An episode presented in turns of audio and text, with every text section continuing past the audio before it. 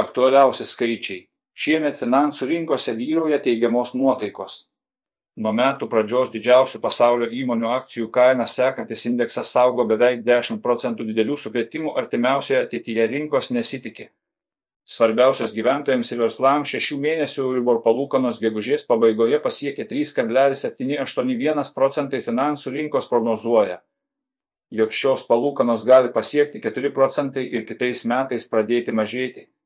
Remiantis Lietuvos banko duomenimis, vietiniai bankai už 12 mėnesių trukmės terminuotą indėlį siūlo nuo 3,25-3,80 procentų palūkanas. Svarbiausi įvykiai. Didžiausia pastarųjų savaičių drama tapo JOTV skolos lubų didinimas. JOTV veikia sistema, remiantis kuria egzistuoja limitas, kiek valstybė gali skolintis. Pasiekus limitą, valdžia turi nustatyti naujas skolos lubas. Skolos lubų didinimas dažniausiai yra techninis procesas, nuo 1940 metų lubos didintos daugiau nei šimto kartų. Bet kartais skolos limito keitimas tampa politinė drama. Pavyzdžiui, 2011 metais dėl užsitęsusių politinių ginčių rinkose buvo kilusi trumpalaikė krizė ir panika. Nes pasiekus skolos lubas ir negavus pritarimo jų didinimui, JOTV nebegali vykdyti visų finansinių įsipareigojimų. Kalbant labai paprastai, Nesutarus dėl naujų lubų, JOTV techniškai gali tapti nemoki. Paskutinį gegužės savaitgalį, po ne vieną savaitę trukusių temptų dėrybų, buvo pasiektas politinis susitarimas, kurio remiantis kongresui pateiktas siūlymas dėl skolos limito didinimo. Šis gegužės 31 dieną pritarė lubų padidinimui. JOTV senatas patvirtino susitarimą dėl skolos lubų, įdant skolos lubos būtų DF atsto padidintos iki birželio 5 dienos. Būtent birželio 5 diena remiantis JOTV išdo skaičiavimais, buvo paskutinė diena, kai JOTV turėjo pinigų visiems savo įsipareigojimams vykdyti be padidintos skolos limito.